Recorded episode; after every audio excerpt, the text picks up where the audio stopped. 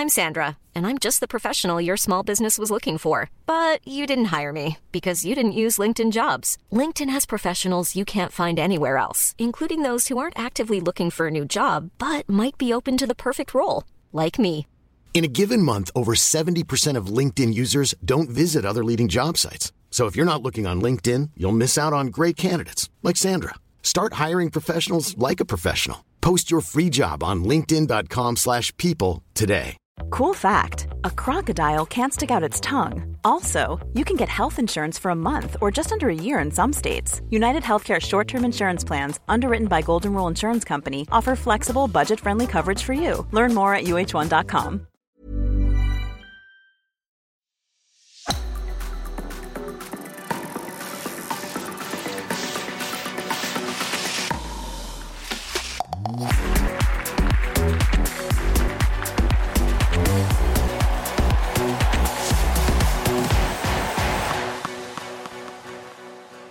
Velkommen til en ny episode av Indre bane. I forrige uke hadde vi stor tro på Viktor Hovland i Wells Fargo, men nordmannen endte på en 43.-plass. Etter en blytung siste runde. FIS har bestemt seg for å beholde like distanse for kvinner og menn i verdenscupen i langrenn. Og Det betyr at kvinnene skal fortsette å gå fem mil, og at stafettetappen blir 7,5 km i stedet for fem for kvinner og ti for menn, sånn som vi er vant til fra før. Og nå jobbes det for å få dette innført også i mesterskap. Og Adresseavisas eh, kommentator tror ikke Kjetil Rekdal overlever sommeren som Rosenborg-trener. Håndballjentene i Vipers de er nok en gang klare for Final Four-finalehelga i Champions League. Det er en ny sterk prestasjon av Katrine Lunde og Ole Gustav Jekstad og de andre i Kristiansand, og vi lover å snakke litt håndball i podkasten når Final Four nærmer seg. Og vi skal snakke om eh, tennis om ikke så lenge, Dorthea, men er det noe annet du har merka deg siste uka? Jeg syns egentlig det har vært en ganske rolig uke med dårlig vær og skattemeldingen betalt, men eh, helt til Alfie ble kastet ut av Bernabeu i går når sønnen spilte kamp. Så det var jo eh, sykeste som skjedde i min uke, i hvert fall. Ja, det var scener. Men vil du si at dette her er eh, normalt, egentlig, når jærbuer beveger seg ut i den store verden? Ja, jeg vil si det at Har du vært på Gran Canaria-flyet fra, fra, Sola, så er det noen fra Jæren som alltid blir kastet ut. Så Alfie han fortsetter vel bare i rekka. Ja, han kom, jo, han kom, seg jo, helt til Spania, faktisk, da. så det får, være, det får være bra. Den nærmeste timen så skal vi snakke litt uh, om en norsk rosa panter, eller snarere isbjørn, han er jo fra Tromsø, i uh, Giro d'Italia. Vi skal snakke med hockeylandslagets målvakt Henrik Haukeland, som sammen med resten, sammen med resten av gutta starter hockey-VM nå på lørdag. Og et uh, sikkert vårtegn har dukket uh, opp. Debatten om andrelagene i divisjonssystemet i fotball, det skal vi også innom. Vi starter med tennis eh, i dag. Det er mye å ta tak i når vi denne uka gyver løs på en ny turnering, denne gangen i Roma. Roland Garros nærmer seg også, men la oss først eh, kvittere ut Madrid-Dortea. Carlos Carlitos Alcaraz. For en mann! For en spiller! Måtte jobbe litt, hjemmefavoritten, men uh, gjorde jobben sin til slutt i, i finalen. Ja, det er godt å se at Carlos også er menneskelig og kan ta på noen game og noen sett innimellom, men det den unge spanjolen eh, klarer å prestere uke etter uke, kamp etter kamp, er, er helt vilt. Han er en for de store anledningene, og kan tro spanjolene jubler når de har en, en ny eh, fremtidig kanskje gruskonge som kommer opp. Eh, Carlos Alcraz blir vanskelig å slå nå framover, tror jeg. Ja, Nadal den eh, store kongen, eh, spanske kongen, eh, nærmer seg abdikasjon, men kronprinsen han, han, står allerede klar. Hva så med Kasper Ruud? Vi snakket om det forrige uke. Tidlig exit i Madrid. Nå venter en ny turnering i Roma. har han hvilt seg i form, tror du? Ja, det, det er litt sånn hipp som haps. Jeg tror for Kasper så eh, er alltid godt på, på, kroppen, og det er jo det, hvis vi går tilbake til Alcaraz, som er så, så, vanskelig med han, at det, når du spiller så mye kamper og du gjør det så bra Selvfølgelig vil du spille kamper og vinne, men det er så viktig å få hvile og holde seg skadefri. Eh, så de skulle kanskje bytte litt, fordi jeg tror Kasper egentlig hadde hatt best av å spille flere kamper eh, enn å eh, ta enda mer eh, kamppause, som han da har gjort denne uken. Han har vært hjemme i Oslo noen dager, trent litt på, på klubben sin eh, på Snarøya. Eh, og fått spilt litt på grusen der, og så dra ned til, til, Roma tidlig. Men for Kasper så er det egentlig bare å få mest mulig, mulig kamper inn. Eh, jeg tror guttene har funnet ut det, flere av de på touren, at det er så viktig når grussesongen kommer, at de får spilt mye, mye kamper på grus. Eh, så det har i hvert fall Alcaraz gjør med vår egen Kasper. Vi mangler litt å få noen gode matcher under beltet, så kanskje det snur i Roma. Vi får håpe på det. Han spiller jo sin første kamp på fredag. Eh, motstander der er vel ikke helt klart enda, men det er enten en kvalikspiller eller franske Rinderknecht. En som ja. du kjenner til, faktisk, som blir, eh, blir motstander der. Ja, Rindar Knetch, eller i hvert fall Arthur, da, som, som jeg studerte med og, og, gikk på samme universitet som i USA. Eh, og begge to spilte på tennislaget der. Han er jo to-tre år eldre enn meg. Eh, så han var det de første årene mine. En utrolig god franskmann som har virkelig tatt det steget fra college-tennis til profesjonell tennis, som egentlig alle drømmer om. Jeg har blitt eh, under det franske tennisforbundet og, og reist rundt med landslaget og, og spilt Davis Cup, da, som er worldcupen for, for Frankrike. Han har vært mye skada, har ikke spilt en turnering siden Miami, som vel var i februar, eh, så han er jo ikke i storform. Det er vanskelig når disse kvalspillerne kommer inn. Har du da klart å kvalifisere deg inn, så har du allerede fått noen kamper under beltet. Det så vi ramma Kasper eh, sist turnering, der han òg møtte en kvalspiller som hadde fått noen, noen gode matcher inn på, på, anlegg allerede. Så det blir en spennende første runde. Den går i dag. Eh, og så får vi se hvem motstanderen til Kasper blir. Eh, så håper vi at Kasper klarer å problem solve ganske bra de første rundene. Det er en tøff trekning, vil jeg si. Går jo altså da mot en kvartfinale i Roma. Mot hjemmefavoritten Jannik Sinner. Og den blir mest sannsynlig spilt på 17. mai. Oi, oi. Så det hadde jo vært helt fantastisk om han hadde kommet så langt. Eh, men, eh, men, vi får se. Det er en viktig turnering før eh, Roland Garros. Ja, Det er det ingen tvil om. Og så hørte vi Kasper her forrige dagen, pressekonferanse i Roma si, egentlig stille spørsmål selv. Er det jeg som bare har stoppa? Eller er det alle andre som utvikler seg eh, voldsomt mye fortere, eller hva er det egentlig som, som skjer? Så han stiller på en måte de spørsmålene sjøl nå også, og det kan vi vel skjønne etter en eh, vi får si svak grusesong så langt? Ja, og sånne spørsmål er jo naturlig å, å stille seg sjøl, og det viser jo bare en, et tegn til selvrefleksjon, men allikevel så Han har jo ikke blitt en dårligere tennisspiller siden i, i fjor. Ja, kan være andre gutter enn har blitt, blitt steingode, men jeg tror ikke han har trent så mye mindre enn alle de andre. Men det er veldig små marginer. Eh, det har veldig mye med selvtillit å gjøre. Det har veldig mye med ja, om du er i flytsonen, om du har formen inne, om de jevne tennisballene går din vei eller en annen vei. Det er så små marginer, så selvtilliten, og det er ferskvare. Det vet vi egentlig fra all toppidrett at det, det, kommer og går. Så det er jo bare å finne tilbake til, til flytsonen. Men det er jo aldri et godt tegn når du begynner å tvile på deg sjøl om guttene har gått ifra deg. Så jeg håper at Kasper vet at han er ikke blitt en dårligere tennisspiller, men akkurat nå så klarer han ikke å prestere det han har inni. En som ikke er helt ferskvare lenger, da, det er eh, Nadal. Han uh, har meldt forfall nå til, uh, til Roma. Gruskongen. Eh, vi vet at det nærmer seg en karriereslutt der, og det store spørsmålet er jo eh, Rekker han Roland Garros? Skal han spille der? Skal han stille der? Hva kan han eventuelt få til der? Og blir det det siste vi ser av han? Det er en del spørsmål knytta til eh, Nadal om dagen, Dorthea. Ja, det er det, naturligvis. Han er jo gruskongen, vunnet så sykt mange ganger på Roland Garros. og er jo en skikkelig publikumsfavoritt. Jeg syns jo det er veldig trist når det blir skader som gjør at disse eldre gutta ikke stryker med, altså, men at de stryker med på touren. Eh, det så jo med, med Federer òg. Han klarte jo ikke å bli skadefri på slutten. Djokovic har vært eh, litt småskada òg, og, og Nadal som spiller en ekstremt fysisk tennis. Onkel Tony, som vi kaller han, altså onkelen til Nadal, som har vært hans trener egentlig hele livet, han gikk jo ut til media for et par uker siden og sa at Nadal trener ikke fullt sånn som vi vil han skal trene. Eh, han er ikke 100% Men han kommer til å stille i French Open, altså Roland Gros, uansett hva form han er i.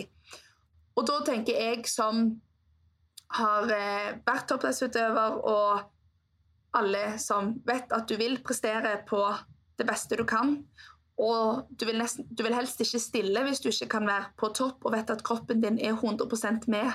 Og for å stille i en Grand Slam og kunne gjøre det bra, så må du være 100 Så jeg tar det som litt signaler på at vi kommer til å få en avslutning uansett.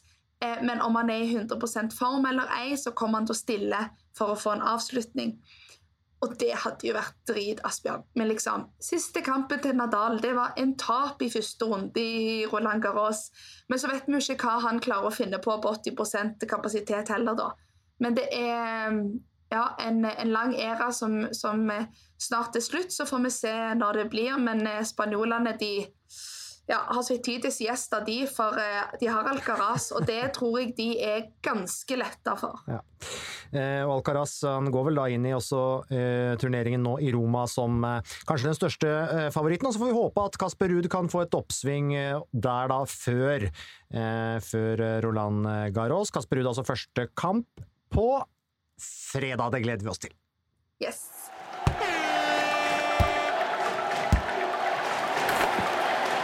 Nå fotball hver eneste sesong, så skjer det jo. Toppklubbenes andre lag, som typisk spiller i Post Nord eller Norsk Tippingligaen, altså nivå 3 og 4, stiller med råsterke lag i noen kamper, for så å sende reine guttelag i andre matcher. Nylig eksemplifisert ved at et veldig ungt VIF 2 tapte 0-11 i Arendal hjemmekampene før og etter de vant VIF 2 eh, med helt andre lag. Og dette var jo et ekstremt eksempel, men problematikken den oppstår ukentlig, får vi vel nesten si, gjennom sesongen. Og dette irriterer selvfølgelig breddeklubbene.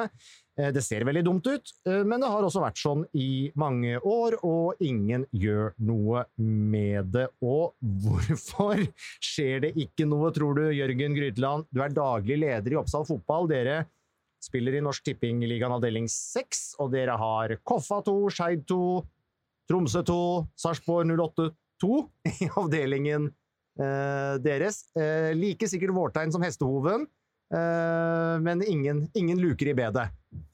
Nei, det stemmer det. Og hvorfor ingen gjør noe med det, det kan vi jo komme tilbake til. Først og fremst så er dette en ganske sånn kompleks debatt som har vart over mange mange år. Og jeg tror det er to grunner til det. Én, det er mange interessenter. Du har toppklubbene, du har breddeklubbene. Du har norsk toppfotball, du har NFF, du har spillerhensynet. Sånn at det er mange interessenter, og alle eh, tenker til syvende og sist på seg selv. Så Det er punkt én. Punkt to, eh, det som alle irriterer seg over nå, det er jo innafor regelverket.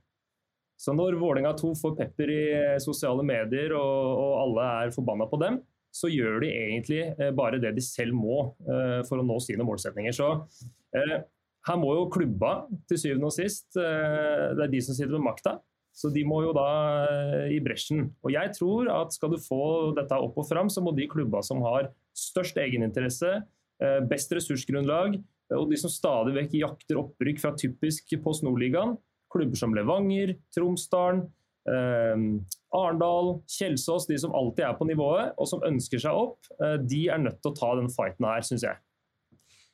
Jonas Grønner, tidligere ekspert her hos oss, nå ekspert for BA. Gleder deg til cupfinalen i neste uke, sannsynligvis. Følger nøye med på Brann. Eh, også involvert i breddeklubben Langevåg. I tillegg til å ha spilt noen andrelagskamper. Førstelagskamper òg, altså, men også noen andrelagskamper for Brann 2. Du har kjent på dette her fra, fra elitesida. Eh, du sa sett det litt utenfra, og du er nå i en eh, breddeklubb. Hvordan ser du hele den eh, problematikken her? Altså, eh, det som, eh, som, Jørgen sier, det er jo helt innenfor lovverket. Eh, og det vil til syvende og sist alltid være sånn at et andre lag de forholder seg til toppklubben, altså førstelaget i en klubb. Og de gjør det som er best for førstelaget til enhver tid. Det er selvfølgelig enkelteksempler der de begynner å skru til når de nærmer, altså kommer ut på høsten og det begynner å jage opprykk og de kan sende bedre lag eller de kan prioritere. Men til syvende og sist, altså, de gjør jo ikke det for å være kjipe, de gjør det fordi de tenker på seg sjøl. De har satt opp en helhet som skal, eh, skal gjennomføres best mulig. Og eh, Så lenge det er lov, så kommer de til å fortsette med det. Så det er ikke noe alternativ for, for en topplag. Altså, Vålerenga kan ikke av veldedighet sende fire av sine førstelagsspillere til Arendal fordi at det er det beste for, for rettferdighet. Så lenge de har et lovverk å forholde seg til, så kommer de til å fortsette med det. Og det kommer alle disse, disse toppklubbene til å gjøre. Men det er jo en debatt som er interessant å ta. Nivået blir høyere og høyere. Så PostNord det, det er en bra liga etter hvert. og Det er mange av andrelagsklubbene som er avhengig av førstelagsspillerne sine for å være konkurransedyktige på det nivået. Eh, stort sett, i hvert fall. Så um, det er definitivt en debatt som er verdt å ta. Men um, det er så mange interessenter som, som Jørgen også sier at um, jeg tror ikke det finnes noe fasitsvar. så Man må liksom bare enes om hva som er, hva som er veien videre. Hva som, hvem som skal få skrike høyest.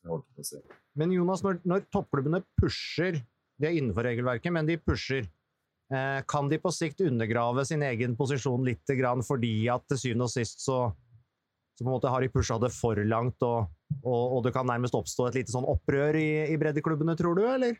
Ja, og der tror jeg toppklubber også skal være forsiktige. For det er ofte denne holdningen at bredden er til for eliten. Og det var jo et begrep som ble eh, berømt under eh, pandemien spesielt. da.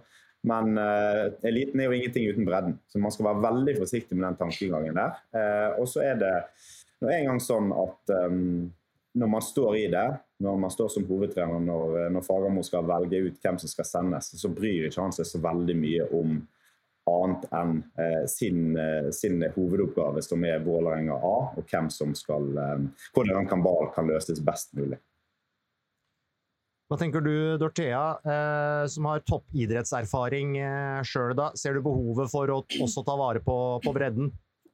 Ja, det er mye hensyn som må tas. da jeg skjønner jo veldig godt både akademiene og spillerutvikling, som så Fagom òg sier, at det er andre lag er fantastisk for spillerutvikling og for de unge gutta. Men sånn som du sier med bredden òg, og det var et skikkelig problem i norsk ishockey, der de ikke kunne ha andre lag med, fordi at det, der er det jo òg mindre klubber og mindre lag, så det tok skikkelig knekken på, på bredden.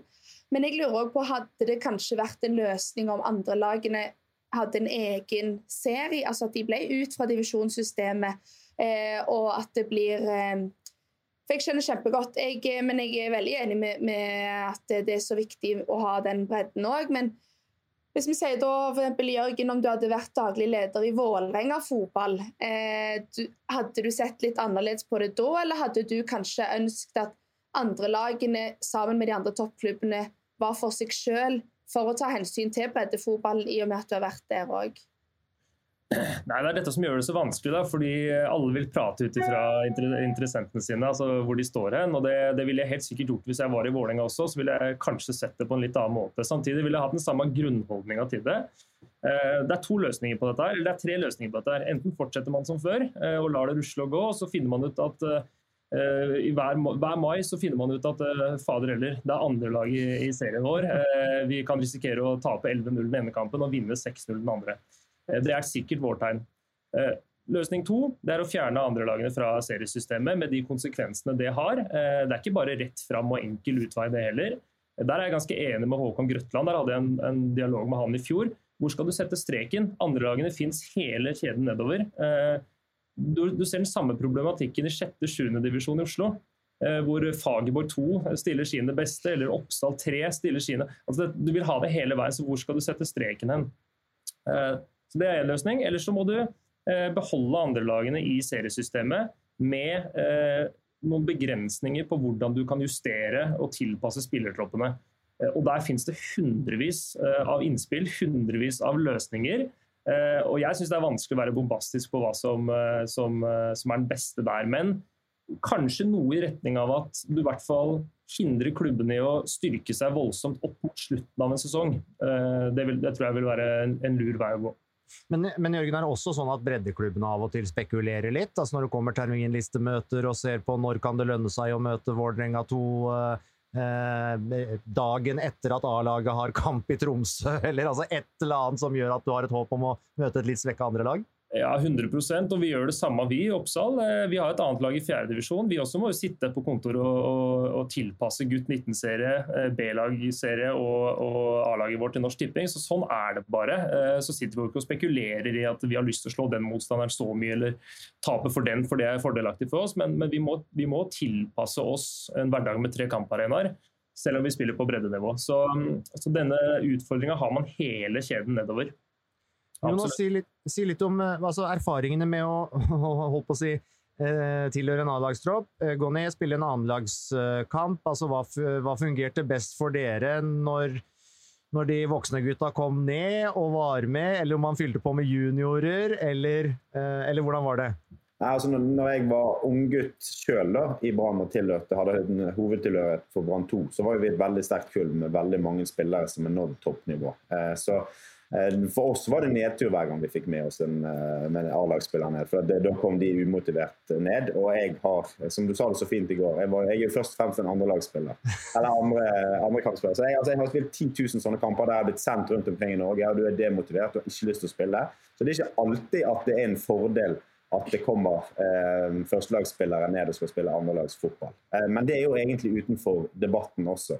Fordi at altså, egen motivasjon og profesjonalitet. Man kan liksom ikke eh, lage regelverk ut ifra det. Men uh, det er helt klart noe som skal tas med. Og så er det en veldig stor forskjell på klubber. Da. Altså, hvem er i stand til å kunne ha et konkurransedyktig og så stabilt andrelag som mulig. Um, og hvem er helt avhengig av å ha førstelagsspillere med for å kunne være konkurransedyktig. Så det går jo an å se på altså Vi har jo dette her kvalitetssystemet gjennom kvalitetsklubb, altså akademiklassifisering, den type ting. At du må ha en viss standard på disse tingene for å konkurrere, i hvert fall i Post Nord. For um, enkelte lag vil nok være veldig konkurransedyktige i Norsk Tipping med ungguttene sine. Rykke fint opp derfra, men hvis de skal ta neste steget på, på et nivå over i Post Nord, så er de helt avhengig av A-lagsspillere, ellers så dundrer de ned igjen. Og da blir det store forskjeller. Så et forslag kan være det at man rett og slett må ha en viss eh, standard på akademi og klassifiseringen sin for å kunne ha et, eh, et andrelag så høyt. For eksempel, altså, eh, tatt fra hodet, så er vel Ulland de er vel i Post Nord, og så er Ulland 2 i Norsk Tipping.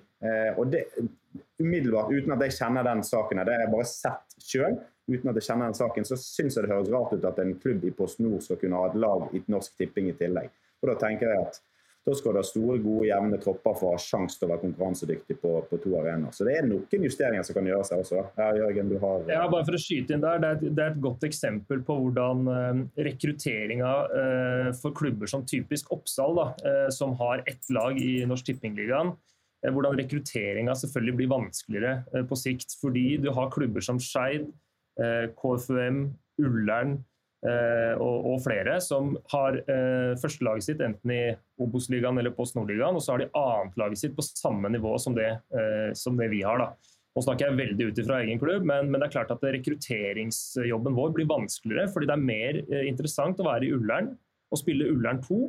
Eh, fordi at da har du sjansen til å kanskje spille Post Nord om et halvt år. Eller være i KFUM og spille Obos-ligaen om, om ett år. Altså, så, så, dette vil jo på, på, sikt så vil jo dannes noen store, tunge miljøer, og så vil de eh, litt mindre klubba, eller nå er ikke vi en liten klubb, men litt mindre klubba, vil jo, vil jo raderes ut. da.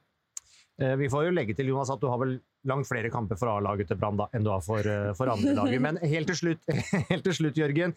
Eh, eh, fotballting i år er jo unnagjort, men, men Tror du det kan komme en, eh, noen endringer, innstramminger i reguleringer her på, eh, ja, på ikke tror, så altfor lang sikt?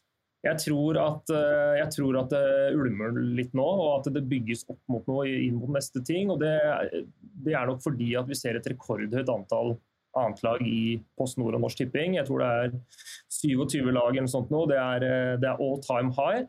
Eh, og vi ser også at det, det, det tøyes, strikken tøyes veldig. Så jeg tror at det bygges opp eh, ganske bra mot neste ting. Jeg håper noen av de større klubba tar, eh, tar ansvar. Takk skal dere ha, Jonas og Jørgen. Gode innspill, gode resonnementer. Jeg mistenker at det kanskje det går an å møtes igjen seinere også og diskutere akkurat den problemstillinga her. Takk skal dere ha. Bare hyggelig. Ja, Svømming er jo en idrett uh, med veldig mange ulike øvelser. Altså Hvis du tar med havsvømming, uh, langdistanse, så ble det vel utdelt 36 uh, eh, gull i svømming under OL sist. Michael Phelps husker vi, hadde vel noe sånt som 28 OL-medaljer. Det er mange gode muligheter der. Det er jo omtrent som 100 meter skulle vært gjennomført på ett bein og baklengs. og Det er jo utrolig mange disipliner. Men de har faktisk justert litt på hva som gjelder. Um, opp gjennom historien. I OL i Paris i 1900, mitt favoritt-OL. Det er en grunn til at vi snakker mye om det. Vi skal tilbake til Paris neste år. Altså samme OL da i 1900 hvor de skøyt på levende duer, eh, som vi har snakka om før. Den gangen ble det konkurrert i 200 meter fristil med hinder. I vann? I vann, ja. Altså en ordentlig Kompani Lauritzen-øvelse. Tre hindre i løpet av 200 meter. Eh, først over en påle, så over en rad med båter, og så under en rad med båter. For det, de hadde jo ikke basseng som var stort nok, så de svømte da i scenen, altså elva som renner gjennom Paris. Du kan jo tenke deg at den i 1900, den var ikke, det var ikke drikkbart, det vannet. Det var, det var ganske grumsete i 1900, og det var strømmer og i det hele tatt. Men 200 meter fristil hinder vunnet av australske Frederick Lane på 2.38,4 i finalen. Han vant også den vanlige 200-meteren uten hinder, og det mest imponerende er vel egentlig at han brukte bare 13 sekunder mer på hinder 200-meteren enn han gjorde på 200 meter uten hinder. Så han var kjapp over og under de, de hindrene. Og han starta jo da en veldig sterk australsk tradisjon i svømming i OL. Ian Thorpe, uh, husker sikkert mange, vant jo en rekke gull 100 år senere. Emma McCain, det har hatt mange veldig gode uh, svømmere. Hindersvømming i scenen er jo dessverre ikke på programmet i Paris neste år. Det er, er, det litt, Er det litt synd? Ja, jeg syns det er kjempesynd. Jeg, men jeg tenkte på når du snakket nå, så tenkte jeg om, om, folk kommer til å sitte på en podkast om 100 år og tenke gud av meg, hva øvelser var det de hadde i 2024 i Paris-OL. Men jeg syns det har stabilisert seg litt nå. Det var mye mer løgnasgreier. Men jeg tenker det er en blanding av litt sånn eh, triatlon eh, i open water, Eh, litt Kompani Lauritzen og litt synkronsvømming. Så egentlig så vil jeg si at hindersvømming er en ekstremt komplett øvelse. Så jeg syns de bør ta den opp igjen. Egentlig, veldig, egentlig, en veldig bra øvelse. Så kan det jo hende at det, hvis det går skikkelig bra neste år i Paris, kanskje vi, bare, kanskje vi tar oss en dukkert i scenen uansett. Det kan hende, ja. Dorthea. Ja, jeg tror det. Ta på meg i hvert fall ei badehette da, altså.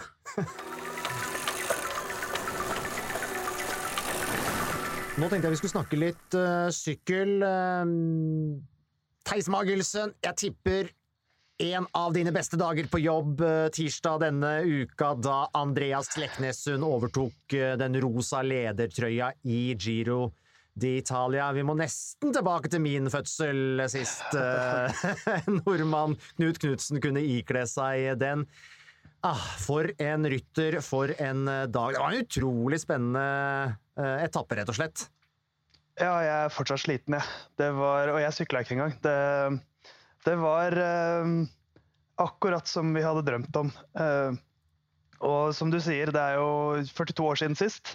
Så det var en stund før min fødsel, og vel før Dorthea sin fødsel også. Så for, for vår del, så, eller for alles del her, så er det jo første gang vi får en uh, nordmann i rosa. Så, nei, så kan det jo nesten ikke skje med en finere fyr. Andreas Leknessund er en uh, Eh, som flere har sagt, fantastisk ambassadør for norsk sykkelsport. Eh, både med måten han sykler på, men også måten han er på. Han er så uh, frisk og, og, og, fin som person, bare. Og etter alt han har vært gjennom også de siste årene. Det har ikke vært liksom lett for han, måten han har begynt på i, i proffsirkuset. Han har liksom tatt, uh, tatt nivået og klart seg veldig fint som syklist, men det har jo vært mye, mye utfordringer Eh, på personlig plan, for å si det sånn. Så eh, fantastisk fortjent og et, et herlig idrettsøyeblikk, rett og slett. Og så, eh, Vi, vi snakka jo om det på forhånd, det kunne være en mulig etappe for han å overta den rosa trøya, dette her, ledertrøya. Det var jo avhengig av at han da kom med i det rette bruddet, som han virkelig fighta for, og til slutt kom med i. Eh, og med bare noen hundre meter, en kilometer igjen av den siste stigningen der, så så det jo jaggu meg ut som han skulle knekke alle og enhver og kanskje kunne doble opp med både rosa trøye og, og eh, etappeseier.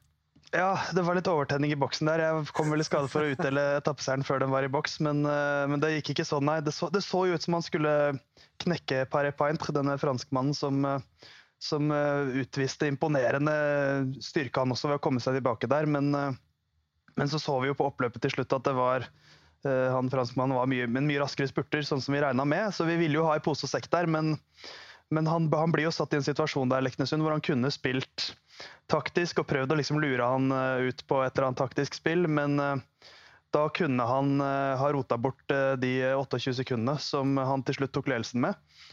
Så, så jeg, jeg, tror han gjorde et lurt valg, og så så vi jo spurten til slutt at han, han måtte jo ha tryllet fram et eller annet der for å, for å vinne den etappen når det ble som det ble. og uh, Andreas Leknessund kommer til å få utrolig mange sjanser til å vinne Grand Tour-etapper. Uh, det tviler jeg ikke et sekund på, men det å ta en ledertrøye i en Grand Tour, det er en sjanse du kanskje får en gang i din karriere. Så at han griper den, det uh, var godt å se. Rørende bilder der etterpå også, Dorthea. Det har jo vært et et dødsfall i, i nær eh, familie der som gjorde at dette var spesielt emosjonelt eh, for han. En, en, si, en, ny norsk idrettshelt er født her, også for de som ikke følger sykkelen sånn supernøye. Ja, jeg, jeg, tenkte på det òg. Han ser det beina gjorde skamvondt på slutten, og 23 år og har gått gjennom så mye tøft på privatplan. og liksom, Hvor skal dette stoppe? Det er vel bare begynnelsen. Og, og, og sånn er det vel i all idrett. Når du får sjansen, så er det det er mange som får sjansen, men det er ikke mange som klarer å gripe den sånn som han har gjort. Og, og den vinnerskallen og det tøffe hodet som han har etter så mye motgang og, og berg-og-dal-bane som du sier Theis han har hatt, er dette bare begynnelsen egentlig på, på alt vi kan få nyte av Leknes i, i, mange år framover i de store, store rittene? Ja, det tror jeg definitivt. Han, eh, han har jo vært regna som et, et, av de aller største talentene i norsk sykkelsport. Uh, jeg husker jeg var der i, i det var vel i Sandefjord under NM i 2018. Edvald Baason Hagen var liksom på, på, sin høyde som norsk tempomester. Uh, og så plutselig så kommer Andreas Leknesund og tar sølv syv sekunder bak han. Det var sånn elektrisk stemning i, i målområdet der. og jeg husker Han gikk av sykkelen og var litt, sånn, han var litt vill i blikket. Litt som han var etter, etter målgangen i går også. Um, og som du sier, Dorthea, han, altså Under Tour de France i fjor så mista han en nær venn. Eh, faren hans gikk bort vinteren 2019. Så han har, liksom, han har hatt mye å jobbe med på det personlige plan, men likevel, han er så sterk uh, i huet. da. Uh, og når du da har kombinasjonen av en utrolig sterk skalle og en helt vanvittig fysikk samtidig som han, ja, ja, ja, ikke sant? Og han har jo noe litt sånn annerledes ved seg som syklist også. Altså, jeg, jeg, vil vel tro han er den første mannen i rosa trøye som kommer fra nord for polarsirkelen. Det er jo også litt spennende for for den internasjonale sykkelpressen at her har vi en fyr fra, fra midnattssolens rike, liksom, som kommer og tar den rosa trøya. Det er jo en flott historie, det også. Eh, og, og, nå vil han jo få masse oppmerksomhet, og, og, sammen med resten av, av laget. Eh, enn så lenge i hvert fall han, han, klarer å holde på den rosa trøya. Og ja, nå sier vi sier og skriver onsdag formiddag, det er straks klar for en ny etappe. Du tror han kan holde, holde på den trøya noen dager, Theis? Jeg tror det. Eh, Knut Knutsen hadde vel eh, han hadde to dager i Rosa i 1974 og én dag i 1981. Um, så var italienerne så mot han at eh, de lot han ikke ha den en gang, en gang til. Sykkelsporten har endra seg litt siden da, men jeg tror han får tre dager totalt, sånn som Knut også hadde. Så to spurtetapper nå som skal gå greit, gitt at han holder seg på sykkelen og osv. Alle de klassiske forbeholdene. Så er det en brutal fjelletappe på på fredag eh, opp til eh, Gran Sasso d'Italia, eh, opp til over 2000 meter over havet. Men den stigningen er ikke så veldig bratt. Så jeg, jeg har et lite håp om at, om at han kan klare å begrense tidstapet såpass. Han har jo tross alt litt å gå på.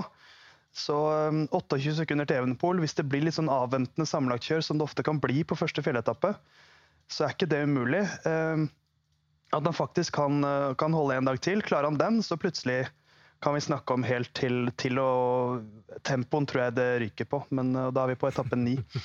Så i hvert fall tre dager. Kanskje fem, da, hvis, uh, hvis alt klaffer. Ja, og, og, vi snakker jo mye om Vi, vi hadde jo eh, Tobias Foss her som, som gjest, og dessverre ble covid-syk inn mot giroen. Eh, som òg hadde jo da hatt eh, verdensmester eh, regnbuetrøya inn i, i første, første etappe. Men dette sier jo noe om bredden i, i norsk sykkel òg. At vi, vi har eh, hadde kommet inn med, med den trøya, og nå har vi Leknesund i rosa trøye. og det er jo vanvittig viktig egentlig for norsk sykkel. De er vel 23 og 24 år, begge de, begge de gutta. Med Leknesund er det liksom en litt sånn ny generasjon som kommer opp nå med, med gutter med disse i ledelsen. Ja, det, det, er um, Vi har jo snakket veldig lenge, det gjorde vi da Hushovd var på sitt beste. at hvor er, de, hvor er de norske klatrerne, hvor er de norske sammenlagtrytterne? Mens nå har vi På bare fem år så har vi Karl Ferik Hagen ble nummer åtte i Vueltaen 2018. Tobias Foss ble nummer, nummer ni i Giro d'Italia. Odd Christian Eiking satt syv dager i rød ledertrøye i Vueltaen for to år siden, ble nummer elleve til slutt. Andreas Leknesund inn i rosa her nå. så på på fem år så har vi fire forskjellige norske ryttere som har blandet seg inn i sammenlagtkjøret i en Grand Tour. Så, eh, så, nå er vi der. at Nå begynner vi å få fram sånne profiler. Og så må vi jo begynne da i nedre del av topp ti, der vi har vært nå. Eh, og Det er også en, en spennende faktor her. Hva, hva, skjer med Leknesund videre i, i Giro d'Italia nå? Det vet eh, ikke han, det vet ikke vi, men han har sagt at han skal ikke tape noe tid bevisst i sammendraget. Og nå har han fått prøve seg i brudd én gang, så da får han kjøre litt som snarnefrytter helt til han kanskje taper litt tid og kan, kan gjøre det igjen. Men, men, uh, han er jo i god form, åpenbart, så jeg er veldig spent på resten av giroen. Hvis vi beveger oss uh, til slutt opp mot de som da er i toppen, og antatt å være i toppen av sammendraget helt til slutt også. Det åpna jo med en tempo her hvor det allerede da selvfølgelig skilte litt mellom de største favorittene, får vi si kanskje, da, Evnepol og, og Roglic. Tobias Foss mente at til syvende og sist så var det egentlig bare de to det kunne stå eh, mellom når det gjelder en sammenlagt seier. Eh, eh ja, hvordan tolker du den eh, si, GC-fighten eh, ut fra de første etappene her, Theis? Nei, altså Tobias Foss er en smart fyr, så jeg må jo henge meg litt på det han sier der. Men, men Evenepool har sett fantastisk ut. Tok 43 sekunder på Roglic på snaut to mil med tempo, som var mer enn uh, jeg tror han selv hadde håpet på. Um, men jeg er litt usikker på hvor, uh, hvor liksom, overlegen han er. Jeg tror kanskje egentlig at Roglic er bedre enn det han viste på den tempoen. Evnepol tok 42 av de sekundene på de første 16 km, og de, de, siste tre hvor det var litt sånn opp og ned, da var det ett sekund som skilte dem. Så jeg mistenker kanskje at Evnepol bare er knallgod på tempo for tiden, at det var en veldig bra tempo for han. Og så tror jeg Roglic egentlig er i veldig god form, uh, og så har vi bare ikke fått se helt hva som bor i han ennå. Men, men, det handler om de to, først og fremst. Og så er giroen kanskje den mest uforutsigbare Grand Touren. Så vi skal ikke lenger tilbake enn 2019. Da var også Roglic en av de to store. Da var det han og Nibali det handlet om. og Da satt de og så på hverandre mens Richard Carapaz stakk av gårde, og plutselig så klarte de ikke å hente han inn igjen. Så vi kan havne i en sånn situasjon hvor de to blir litt for skylappene på å se bare på hverandre. Eh, men, men først og fremst så er det Evenepool og, og, Roglic. Og så er jeg ikke sikker på om uh, hvem av dem jeg tror mest på men jeg er ikke så sikker på om det bare handler om de to heller. Så får vi se om eh, isbjørnen fra Tromsø klarer å blande seg inn. Ja, og så får vi håpe han kommer seg gjennom den neste, neste litt harde etappa, sånn at vi kan få Leknessund eh, med ledertrøya i hvert fall til 17. mai. Og Det er jo det som er så fint med giroen. Det er masse røddager i mai. Masse dager man kan sitte og, sitte og følge med på Giro d'Italia, og følge med på Theis eh, på Discovery Pluss og på Eurosport. Det blir veldig spennende i fortsettelsen av Giro d'Italia. Eh, takk til deg, Theis. Du får etter hvert finne veien til eh, kommentatorbua også i dag, vel? Ciao. Det blir bra. Som du ser, Dorthea, så har jeg eh, da ennå ikke tatt uh, sluttspillskjegget. Selv om det begynner å bli en stund siden Oilers vant og Veksjø ble mester i Sverige. Og i NHL så skal de vel holde på til, til langt ute i juni. Og så kan man jo argumentere for at hele livet egentlig er et eneste langt sluttspill for mange av oss. Eh, men ikke minst, da, på fredag så begynner hockey-VM eh, i Tampere i Finland og i Riga i Latvia. Det ble jo av naturlige årsaker flytta fra St. Petersburg. Norge åpner mot Kasakhstan på lørdag i Riga. Eh, og i den forbindelse da, så må vi nesten nevne at du er samboer med en spiller i den norske troppen, så vi ikke får PFU på nakken her, eh, Johannes Johannessen. Så du har med andre ord god innsikt. Eh, gleder du deg til VM? Ja, jo, jeg gjør jo det. Litt sånn skrekkblandet flyt. Litt eh, redd. Det er jo viktige kamper egentlig fra begynnelsen av. Alltid litt redd for skader, men det blir veldig gøy. Så får vi se om jeg får kommet meg ned etter jeg har jobbet Roma-turneringen ned til Riga. Men eh, nei, det blir kjempegøy. Det er jo årets høydepunkt, og så blir det sommerferie etterpå, så det blir deilig. Så hvis Kasper gjør det bra, så får du ikke sett hockey. Men hvis Kasper ryker tidlig, så får du reist på VM. Ja, ja. så det er litt sånn hipp som haps. Så for å ta det litt på gefühlen, da går jo Oslo-Riga, så de spiller jo helt til og med 22.-23. der, så får nok sett en kamp eller to, så. Svigers reiser ned og ser åpningskampen, så det er det viktigste. Eh, Norge altså i gruppe med som sagt Kasakhstan, Canada, Latvia, Slovakia, Slovenia, Sveits og Tsjekkia. Som vanlig fire lag til kvart. Det er jo liksom det vi alltid drømmer om, å komme dit. Og nederste lag i gruppa rykker ned til eh, det fryktede BVM, eller divisjon 1 heter det vel egentlig. Eh, en som kanskje må stå på huet for at dette her skal gå bra, rett og slett, det er Henrik Haukeland. Hei til deg, Torhyter des Jahres i Tyskland. Det betyr at du har hatt en, en god sesong. da. Tar du med deg en god følelse til, eh, til VM nå? Ja, det, vi, eh, vi, hadde en bra sesong i Düsseldorf. For vi eh, klarte å, å, ha et stabilt, bra forsvarsspill gjennom hele året. Da er det jo litt enklere å være keeper, selvfølgelig. Men eh, jeg, jeg, var jo jeg var god, jeg òg. Og eh, nå blir det morsomt å, å komme med landslaget. Vi har hatt det litt tung eh, som pre-camp med litt litt tøffe resultater. Vi har møtt gode lag, men vi har ikke helt fått til spillet. Men jeg følte siste uka nå mot Frankrike så hadde vi en litt progresjon i, i spillet vårt. Og, eh, vi gleder oss til at det skal, skal dra i gang. Det er litt den ventinga som er det verste. Så jeg har vært altfor lenge på den campen, føler. Så ønsker jeg bare at det skal, altså det skal dra i gang. Um, velkommen også til Bendik Eriksen, som er sportsjournalist i, i Hamar Arbeiderblad. I tillegg den ene delen av uh, Puckpodden. Hvilke forventninger har du til uh, VM, Bendik? Jeg har som eh, dere andre, tror jeg, at eh, det blir viktig å prøve å holde seg her. Det har jo vært en tøff preseason, eller pre-camp her. Sju strake tap før det ble seier mot Frankrike nå. Men to av dem er jo tap mot Sveits, nei, Sverige og Finland på Sudden, der man attpåtil hadde litt grunn til å klage på noen dommeravgjørelser. Så hadde man fått de med seg, så hadde man sikkert kommet inn her med kjempefølelse, og vi har slått eh, store nasjoner og hatt en helt annen følelse. så for meg som er glad i HamKam, så vet jeg at man skal ikke legge altfor mye treningskamper, for du kan være god når du skal spille som poeng, selv om du har gjort det dårlig i, i campen i forkant. Ja, og så trenger vi ikke ta med oss eh, det faktum at HamKam har sluppet inn, slippe inn 11 mål på de to siste kampene. Eh, der må, der må Henrik Haukeland og Norge være litt, litt tettere. Men er du enig i den vurderinga, Henrik, som Bendik Eh, kommer med der. Dere, dere, er gjennom et generasjonsskifte, det er mye nytt. Det er eh, forholdsvis nytt, ny, nytt trenerteam osv. Og, så og i hvert fall en seier i generalprøva, da.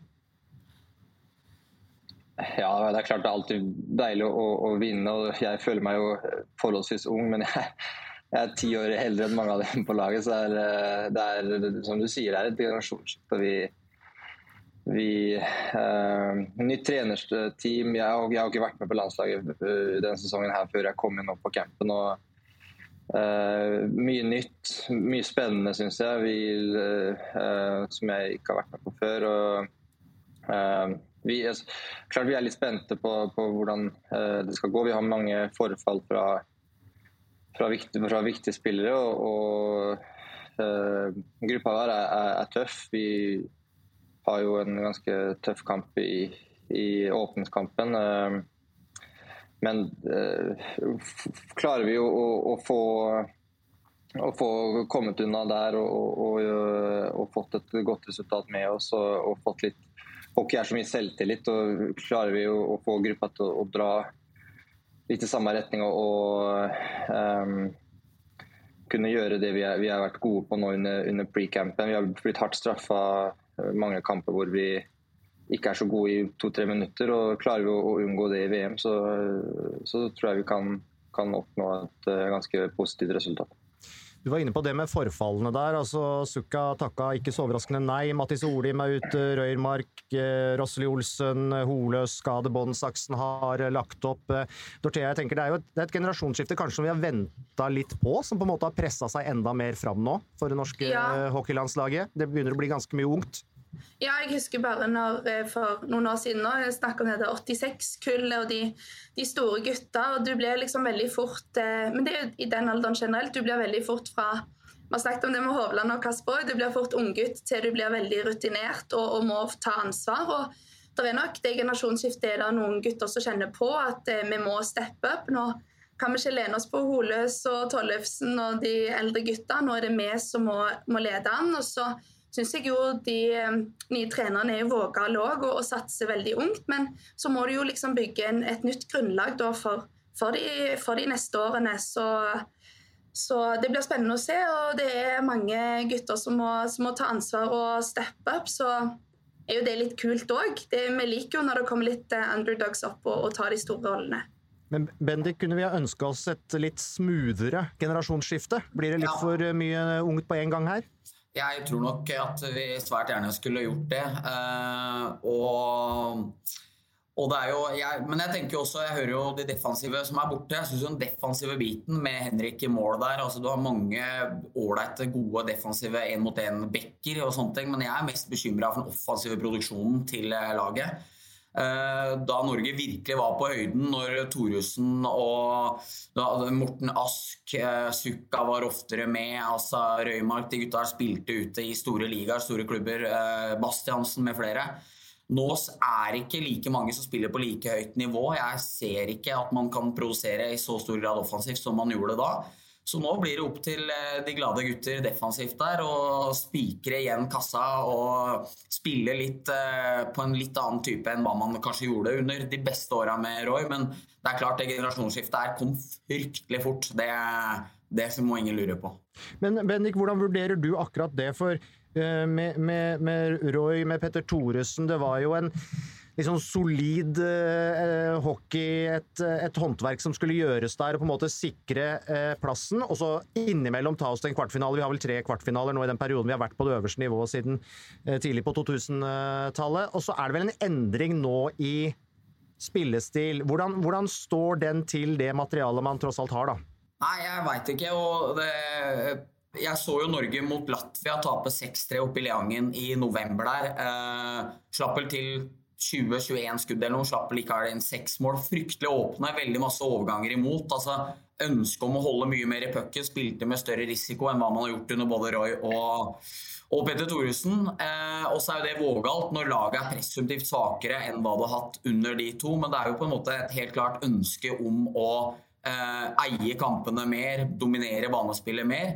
Eh, og så må vi litt tilbake til der Sverige-Finland treningsmatcha. Der du er så nære å få med deg resultater, der du kan slå deg på brystet og si at se vår nye progressive måte å spille på, den gir oss store ting. I stedet så sier alle ha tapt sju av sju, dette er på vei rett ned. Så det er jo på en måte det her som blir lakmustesten, men utfordringen sånn jeg ser det, er at eh, de tre kanskje mest eh, bærende offensive spillerne, da, Olden, Trettenes og Ken André, spiller jo på lavere Eller ikke på lavere nivå, men altså dominerer jo ikke i like stor grad som hva de aller aller beste gjorde, dem inklusiv, gjorde når Mattis, Kenneren, eh, Olden, Thoresen-gutta var på sitt aller beste for fem til ti år siden. Så de har jo et svakere håndverk, eh, som du sier, Asbjørn.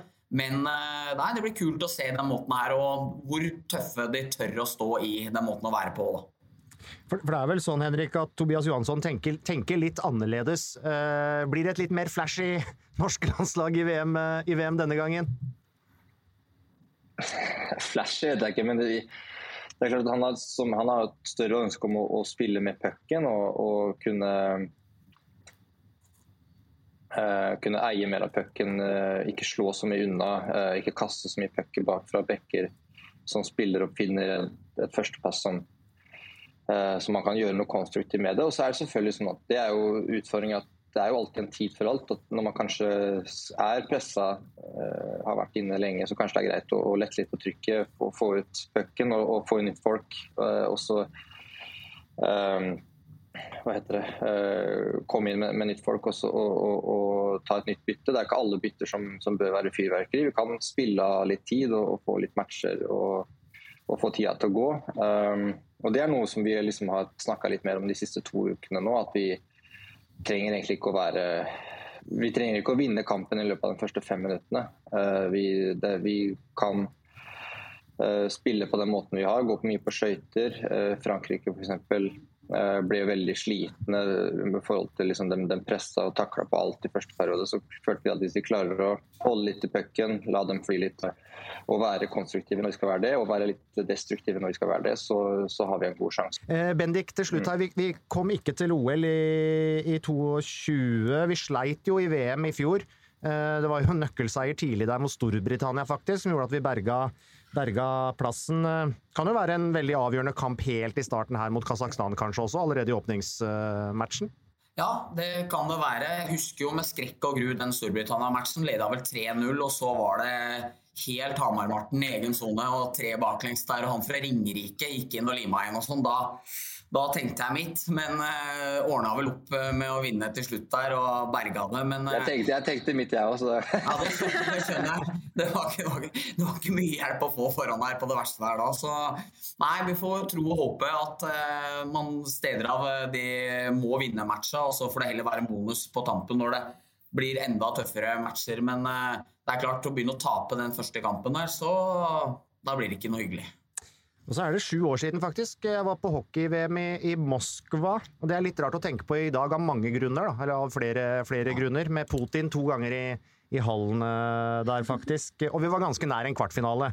Blant annet var vi jo nær ved å gjøre det helt store mot Sverige. Eh, den gangen i, eh, i Moskva.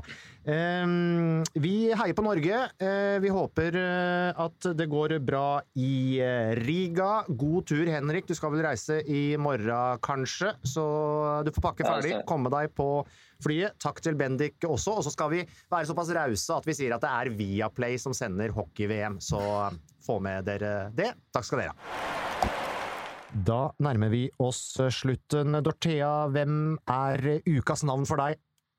Det må bli den rosa panteren, som du sa, i Italia. Andreas Leknesund.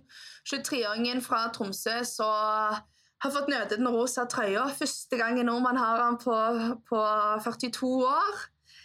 Knut Knutsen var sistemann, så det viser jo en enorm bredde i norsk sykkel. Så Leknesund det var veldig emosjonelt for han, så folk må, må, gå og se og følge han videre i Giro d'Italia. Men eh, han får bli ukas navn. Ja, helt enig. Helt enig. Råstart av eh, tromsøværingen. Når vi er tilbake i neste uke, så må det vel blant annet handle om eh, cupfinalen mellom Lillestrøm og Brann, som spilles lørdag 20. mai. Eh, og så får vi nå bare krysse fingrene for hockeygutta så lenge, Dorthea, og Kasper Ruud. Eh, så det blir litt å følge med på for deg eh, de nærmeste dagene. Skal vi si det sånn? Ja. Ja, det gjør det. Det blir fylt med, med jobb, og så hockeyen på mobilen på sida. Og så får vi håpe på godt vær på 17. mai. Ja, ikke minst. Følg oss på Instagram. Der heter vi Indre bane. Eh, og har du innspill, spørsmål, ris og ros, send oss en melding der eller en mail på, til tips at discovery.com. Og nå ut i maisolen! Snakkes! Snakkes!